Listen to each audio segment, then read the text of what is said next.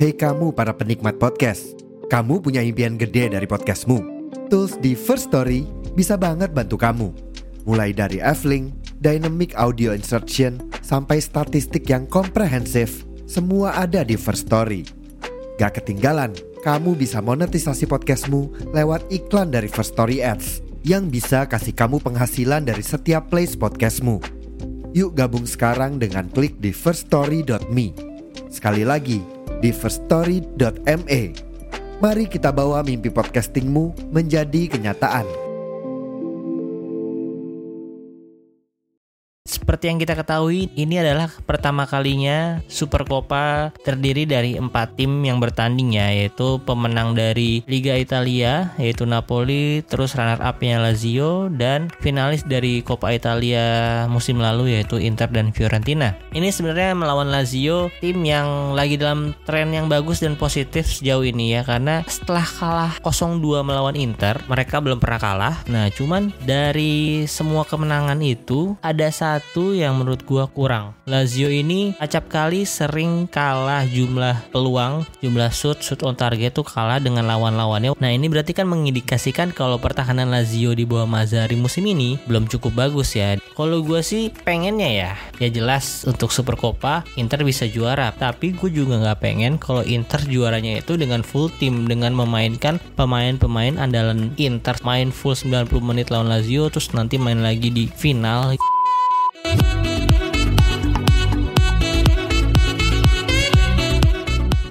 Halo, selamat pagi, siang, sore, dan malam. Kembali lagi di Interisme Podcast, podcast yang membahas berita-berita seputar Inter yang dibawakan secara monolog oleh gua Aldi, seorang interista yang lahir tahun 90-an. Kali ini gua ngetek di tanggal 19 dini hari jam 2 sambil nonton Napoli versus Fiorentina di Super Copa ya. Jadi intinya seperti di judul, kali ini gue akan membahas Inter di Super Copa ya.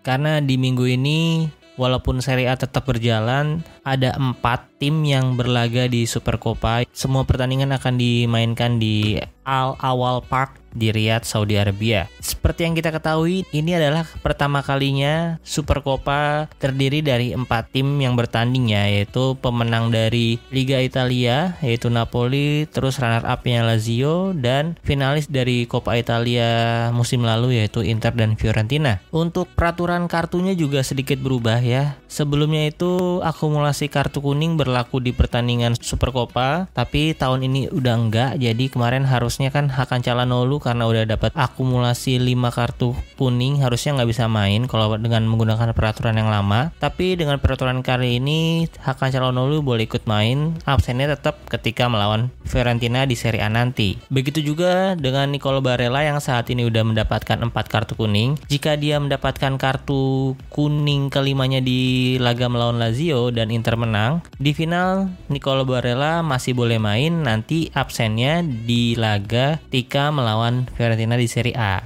Nah, kalau untuk peraturan extra time-nya sendiri, di musim ini sudah tidak ada extra time ya. Jadi kalau skor udah imbang sampai menit ke 90, akan langsung dilanjutkan ke babak adu penalti. Tidak seperti tahun-tahun eh, sebelumnya ya, karena waktu itu kan juga ketika Inter melawan Juventus di dua musim sebelumnya itu kan sampai extra time ya. Inter ketinggalan lebih dahulu, terus menyamakan kedudukan. Kemudian Alexis Sanchez mencetak gol di menit-menit akhir tuh di 119 kalau nggak salah ya, apa 120. Jadi musim ini untuk semi semifinal dan finalnya kalau gue baca dari footballitalia.net sudah tidak ada extra time lagi di Super Coppa Italia. Ya mungkin alasannya karena uh, untuk pemain-pemain punya waktu istirahat ya karena kalau misalnya di semifinal ini udah main 90 plus extra time akan capek banget. Untuk pertandingan pertama yaitu ya tanggal ini hari tanggal 19 hari Jumat itu Napoli udah lawan Fiorentina dan besok hari Sabtunya tanggal 20 Inter akan melawan Lazio. Jadi ya secara waktu istirahat sebenarnya Inter dan Lazio kalau masuk final akan sedikit dirugikan karena mainnya lebih mepet dengan finalnya gitu. Dan BTW semoga podcast kali ini gue nguploadnya bisa langsung ya biar nggak ketinggalan. Kalau bisa sebelum Inter main pastinya. Jadi mungkin episode kali ini nggak banyak gue edit. Mungkin nanti akan terasa banyak uh, dead airnya. Biasanya kalau dead air atau ada salah pengucapan gue edit-edit tuh gue trimming-trimming. Mungkin di episode kali kali ini enggak ya karena mengejar waktu tayangnya. Jadi langsung aja kita bahas ya. Mungkin pertama gue mau bahas Napoli lawan Fiorentina dulu nih karena yang menarik di sini adalah Piotr Zelensky, pemain yang sudah diisukan akan bergabung dengan Inter secara free transfer musim depan, dia sebenarnya dibawa dan dia tidak cedera, tapi dia nggak ada di skuad Napoli malam ini nih. Gua nggak tahu nih, agak suspicious ya karena ya ada kemungkinan dia bakal diistirahatkan atau dibekukan sampai akhir musim karena dia nggak mau perpanjang kontrak. Dan bisa juga ada kemungkinan kalau dia bakal dijual langsung nih di Januari ini. Kan paling santer dia juga mau gabung ke Juve ya karena dia Juventus juga lagi ke kekurangan midfielder yang berpengalaman katanya. Dan bisa jadi ini adalah tikungan kedua semenjak Thiago Jalo ya. Jadi kalau yang Thiago Jalo mungkin gua nggak terlalu hmm, kesel ya. Karena ya back Inter sejauh ini lagi oke-oke. Ya mungkin Darmian dan Acerbi yang uh, musim depan ya mungkin udah sedikit menurun karena usia dan Inter juga sebenarnya masih punya back-back muda yang potensial juga. Nah tapi kalau masalah Zielinski ini gue suka sih sebenarnya jangan sampai ditikung sih maunya. Karena ya profilnya cukup oke ya dia kuat di tengah kuat megang bola punya long shot yang bagus juga. Harusnya bisa jadi pengganti posisi Mikitarian ya walaupun kemarin Mikitarian juga udah diperpanjang kontraknya tapi dengan umur yang lebih muda gue rasa sih Piotr Zelensky lebih berguna ya untuk beberapa musim ke depan. BTW Mikitarian jadi pemain yang paling banyak menit bermainnya loh. Sejauh ini Miki dan Acerbi nggak nyangka kan? Dua pemain yang paling tua di musim ini. Oke, sekarang kita langsung ke pertandingan antara Inter dan Lazio ya. Ini sebenarnya melawan Lazio, melawan tim yang lagi dalam tren yang bagus dan positif sejauh ini ya. Karena kalau nggak salah setelah kalah 0-2 melawan Inter, mereka belum pernah kalah. Kayaknya selalu menang deh track recordnya. Apa ada seringnya? Pokoknya lumayan bagus. Jadi kemarin terakhir menang lawan Lecce, terus di Coppa Italia juga berhasil menang di derby lawan Roma. Jadi tren mereka sebenarnya lagi bagus. Nah, cuman dari semua kemenangan itu sebenarnya ada satu yang menurut gua kurang. Lazio ini acap kali sering kalah jumlah peluang, jumlah shoot, shoot on target tuh kalah dengan lawan-lawannya walaupun lawannya mencetak gol lebih dikit gitu. Nah, ini berarti kan mengindikasikan kalau pertahanan Lazio di bawah Mazzari musim ini belum cukup bagus ya dibandingkan musim lalu dia adalah tim yang paling sedikit kebobolan. Di musim ini agak lebih buruk sedikit mungkin ya. Dan ini juga berarti Provedel bermain sangat baik musim ini. Banyak save-save yang dia buat loh per pertandingan gua nggak tahu jumlah pastinya gua hanya mengira-ngira ya mungkin sekitar 2 sampai 3 save per pertandingan gitu atau bahkan sampai 4 jadi itu jumlah yang cukup banyak. Dan ya uh, Inter harus mencari cara ya karena sejauh ini gol lebih banyak tercipta dari pemain-pemain utama. Lautaro Martinez, Turam, Hakan Calhanoglu dari pemain-pemain lapis atau pemain benchnya itu masih belum banyak musim ini. Dan kalau hanya mengandalkan Lautaro dan Turam gua rasa sih nggak bisa di setiap pertandingan gitu. Pasti uh, adalah mereka ini lagi bukan harinya atau memang lagi dijaga ketat banget atau memang pola permainannya sudah mulai dibaca oleh pelatih tim-tim lain. Jadi Inzaghi mungkin harus cari cara untuk mencetak gol selain dari striker utama nih. Dan ini dia sebenarnya yang akan gue tanyakan ke kalian juga di episode kali ini. Kalau gue sih pengennya ya, ya jelas untuk Super Copa Inter bisa juara, pengennya. Tapi gue juga nggak pengen kalau Inter juaranya itu dengan full tim dengan memainkan pemain-pemain andalan Inter sejauh ini main full 90 menit lawan Lazio terus nanti main lagi di final gitu dengan full tim. Kenapa ya? Karena ini berlangsungnya di tengah-tengah pekan gitu loh. Nanti ya enggak lah maksudnya ini di akhir pekan pekan 21 ya nanti di awal pekannya itu Inter main lagi dan di akhir pekannya Inter langsung main di Serie A lagi. Jadi akan menguras tenaga banget untuk main-main utamanya ya karena jelas menurut gue target utama yang harus dicapai musim ini adalah Scudetto. Dengan komposisi pemain dan ya permainan tim-tim lain harusnya Inter bisa menjuarai Serie A musim ini menurut gue nah tapi ya tinggal bagaimana Inzaghi meracik timnya agar bisa melalui perjalanan perjalanan panjang itu karena perjalanannya masih 18 giornata lagi nih. Masih cukup panjang. Mampukah Inzaghi konsisten untuk menang terus di sisa akhir musim ini gitu? Karena akan sayang aja kalau pas musim ini. Jadi gue harapin sih Inzaghi tidak terlalu memaksakan untuk menggunakan pemain-pemain utamanya ya. Gue harap akan melakukan banyak rotasi Nah tapi masalahnya ya kalau kita lihat dari beberapa berita yang udah ada di sosial media ini kan Zhang katanya akan memberikan bonus ke pemain Inter yaitu sebanyak 1,5 juta euro ya. Ini kayaknya sih untuk dibagi ke 26 pemain di squad itu. Jadi kalau dibagi-bagi sebenarnya kecil sih. Jadi ini kan berarti ada motivasi dari Steven Zhang untuk memenangkan Super Coppa Italiana musim ini ya karena dua musim kemarin kan juga udah dapet gitu. Jadi kalau musim ini dapat lagi jadi ya tripit lah kalau bahasa NBA-nya tuh.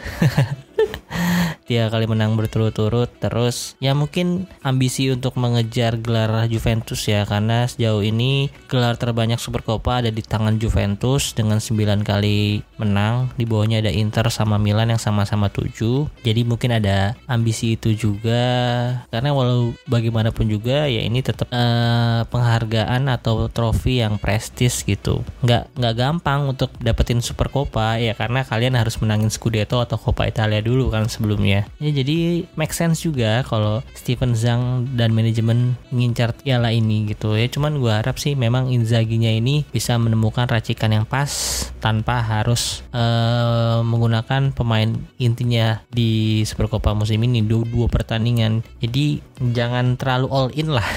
Nih tapi kalau gue baca dari artikel juga ini dari fans Nerazzurri ya artikelnya ini bahwa Inzaghi menyebutkan kalau memenangkan Supercoppa Italiana adalah tujuan pertama musim ini. Jadi memang ya ditargetin oleh manajemen ya. Ketika ia diwawancara tentang jika Inter menang, Anda akan memainkan dua pertandingan secara berurutan. Bagaimana pendekatan Anda terhadap turnamen ini? Ia jawab, kami masih memiliki satu setengah sesi latihan hari ini dan besok pagi. Kami menghadapi Monza pada hari Sabtu, kemudian latihan di Milan. Kami perlu melakukan penilaian, namun grup ini lengkap kecuali Cuadrado yang masih cedera. Kami harus memilih dengan hati-hati, namun fokus kami adalah pada pertandingan melawan Lazio. Anda difavoritkan untuk memenangkan kompetisi ini, dan Anda juga difavoritkan untuk memenangkan Liga. Bagaimana Anda menangani tekanan ini? Saat Anda berada di Inter, Anda harus membiasakan diri. Saya mengalami berbagai hal dengan sangat tenang. Ini adalah trofi pertama yang bisa kami perebutkan musim ini, dan kami ingin memenanginya. Kami tahu kami akan melaju melawan tim yang tidak terkalahkan dalam lima pertandingan terakhir. Mereka menangkan derby dan selalu memberikan masalah bagi bagi kami. Ya menurut gue memang layak sih Inter difavoritkan dan menurut gue juga kalau Inter mainnya full tim, gue optimis bakalan menang. Jelas lah. Napoli sama Fiorentina lagi nggak oke okay. dan Lazio kemarin ketika di Serie A ya mampu Inter taklukan dengan cukup mudah gitu bukan cukup mudah sih cuman ya hampir perfect lah pertandingan Inter waktu itu terus ini ada sedikit ya wartawan nanyain hal di luar Supercopa ya ada yang nanya tentang FIFA Best Coach of the Year ya Bagaimana reaksi Anda terhadap pemungutan suara FIFA The Best, terutama Lukaku yang tidak memilih Anda? iya, anjir lagi Lukaku tidak tahu terima kasih Anda sudah dipungut dari tim yang menyulitkan Anda, menghancurkan karir Anda tapi masih tidak tahu terima kasih. Fuck.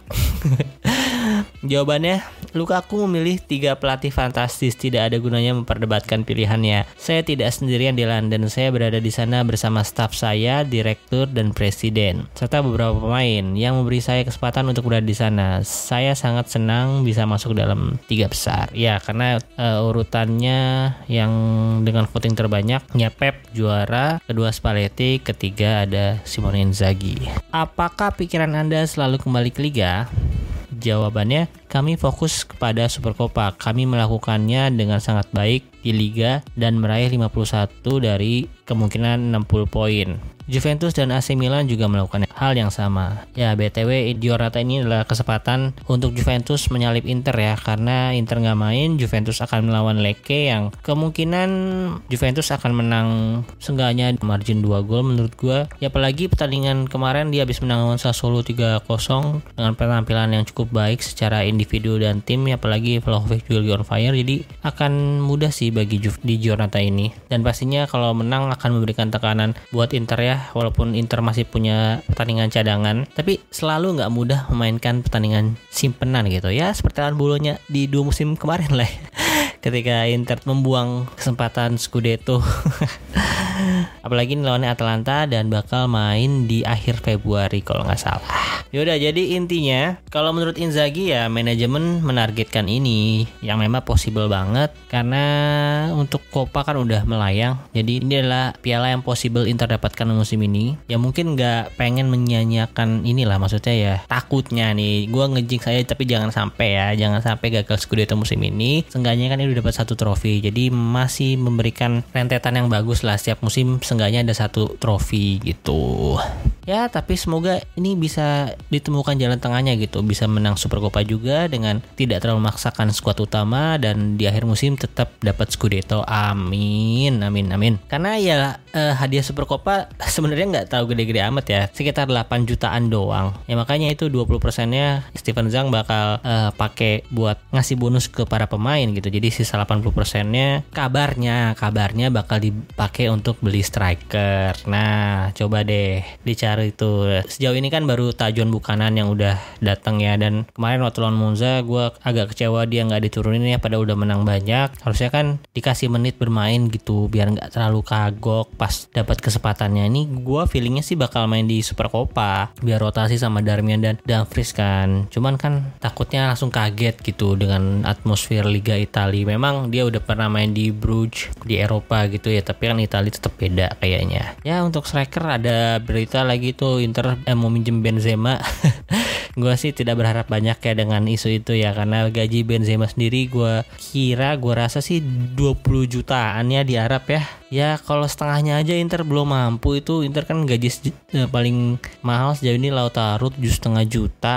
Jadi hmm, bisa minjem Benzema kalau gajinya mungkin setengahnya dibayarin mereka. Jadi gue tidak terlalu berharap dengan isu itu. Ya, ya mungkin pemain-pemain kayak hmm, ya seri A proven lah. Gue pengennya Zola atau Simi atau Luis Muriel itu mungkin yang hmm, agak possible ya Luis Muriel di Atalanta kan juga cuman super sub ya daripada jadi super sub di Atalanta mending ke Inter gitu. Oh ya, terus uh, untuk musim depan kabarnya juga Fabrizio, Fabrizio Romano udah mengkonfirmasi kalau udah ada deal antara Mehdi Taremi dan Inter ya dengan gaji kalau nggak salah tiga setengah juta apa tiga juta gitu. Dengan kontrak tiga tahun, tapi setelah dua tahun itu ada opsi untuk mengakhiri kesepakatan secara baik-baik lah.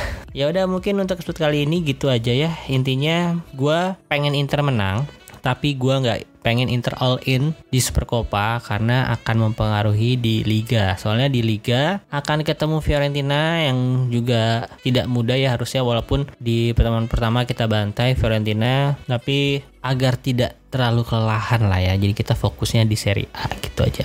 Menurut kalian gimana? Apakah Inter perlu all in di Supercoppa Italia kali ini? Kalian boleh tulis analisa kalian di kolom komentar sosial media gue ya. Kalau di Twitter ada di Interisme Media, kalau di Instagram ada Interisme Podcast. Terima kasih untuk teman-teman yang sudah mendengarkan episode kali ini. Adi Fiderci, Forza Inter.